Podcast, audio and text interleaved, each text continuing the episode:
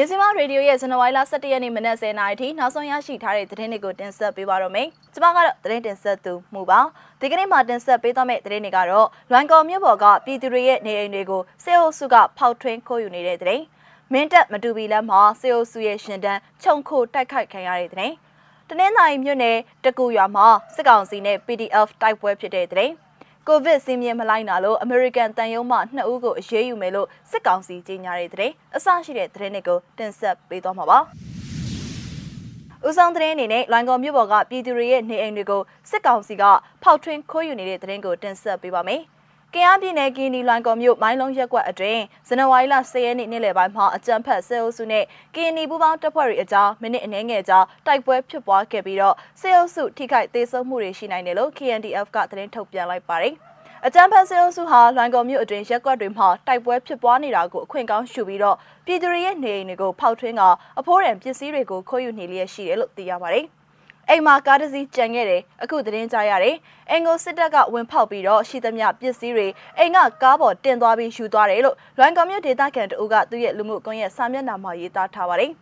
မနေ့ကတိုက်ပွဲပြင်းထန်ခဲ့တဲ့ဒီမော့ဆိုမြို့နယ်ဒေါ်ဆိုရှိကျေးရွာကို KNDF ကမနေ့ကဇန်နဝါရီလ10ရက်နေ့မှာနေမြေရှင်းလင်းလှုပ်ဆောင်ချိန်မှာတော့စေအုပ်စုရဲ့စစ်သားတအုပ်အလောင်းကိုတွေ့ရှိခဲ့ရပြီးကောင်းမွန်စွာမိတကြိုပေးခဲ့တယ်လို့သိရပါတယ်။ ဒါအပြင်စေအုပ်စုရဲ့လက်နက်ကြီးလက်နက်ငယ်ကြီးအမြောက်များကိုတင်ဆက်ရမိခဲ့တယ်လို့သိရပါတယ်။အကြမ်းဖက်ဆဲအုပ်စုဟာမြေပြင်တိုက်ပွဲတွေမှာအထိနာနေတာကြောင့်လေကြောင်းတိုက်ခိုက်မှုတွေကိုပုံမလှုပ်ဆောင်လာနိုင်တာကြောင့်ပြည်သူတွေအနေနဲ့လုံခြုံတဲ့အစီအမံတွေကိုကြိုတင်လှုပ်ဆောင်ပြီးလုံခြုံတဲ့နေရာတွေမှာသာနေထိုင်ကြဖို့ KNDF ကတိုက်တွန်းထားပါတယ်။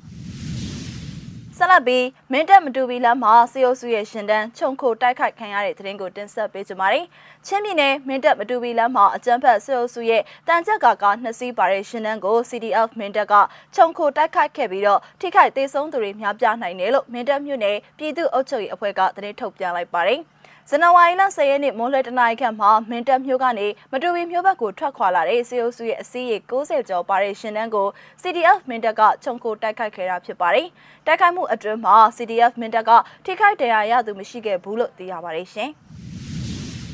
ဆက်လက်ပြီးတနင်္သာရီမြို့နယ်တကူကျေးရွာမှာစစ်ကောင်စီနဲ့ PDF တိုက်ပွဲဖြစ်တဲ့သတင်းကိုတင်ဆက်ပေးကြပါမယ်။ ဘေးခရိုင်တနင်္သာရီမြို့နယ်မှာရှိတဲ့တကူကျေးရွာမှာဇန်နဝါရီလ10ရက်နေ့ညနေပိုင်းကစစ်ကောင်စီနဲ့ PDF တပ်ဖွဲ့တိုက်ပွဲငယ်ဖြစ်ပွားခဲ့ပြီးတော့စစ်ကောင်စီဘက်မှ2ဦးထိခိုက်ဒဏ်ရာရရှိခဲ့ကြောင်းဒေသခံတွေထံကနေသိရပါတယ်။တနင်္သာရီမြို့နယ်တကူရွာဒေသခံတအုပ်ကတိုက်ပွဲဖြစ်ပွားတဲ့အချိန်မှာစစ်ကောင်စီဘက်ကလက်နက်ကြီး6ချက်ထူတယ်။အပြန်အလှန်ပစ်ခတ်ရင်သူတို့ဘက်က2ဦးထိခိုက်ထဏ်ရာရသားတယ်လို့ပြောဆိုပါတယ်။အဲ့ဒီကျေးရွာမှာဇန်နဝါရီလ10ရက်နေ့နေ့လယ်တနာရီကစစ်ကောင်စီဘက်ကကင်းထောက်လေရင်တစည်းပြန်ဝဲပြီးတော့ညနေ9:15မိနစ်အချိန်မှာတော့တကူတန်တိုက်ကမ်းမှာရှိတဲ့စစ်ကောင်စီနဲ့တစ်ဖက်ကမ်းမှာရှိတဲ့ PDF အဖွဲ့တို့တိုက်ပွဲ10မိနစ်ခန့်ဖြစ်ပွားခဲ့ကြောင်းဒေသခံတွေထံကနေသိရပါတယ်။အကြမ်းဖက်စစ်ကောင်စီတပ်ဖွဲ့ဟာပြီးခဲ့တဲ့ရက်ပိုင်းအတွင်းတကူရွာကရွာသားတွေကိုဖမ်းဆီးပြီးတော့လူသားတိုင်းအနေနဲ့အုံပြုက PDF တွေကိုတောနှင်းရှာဖွေရင်းဥယျာဉ်ချန်နဲ့အိမ်များမိရှုဖျက်ဆီးခဲ့ကြောင်းသိရပါတယ်ရှင်။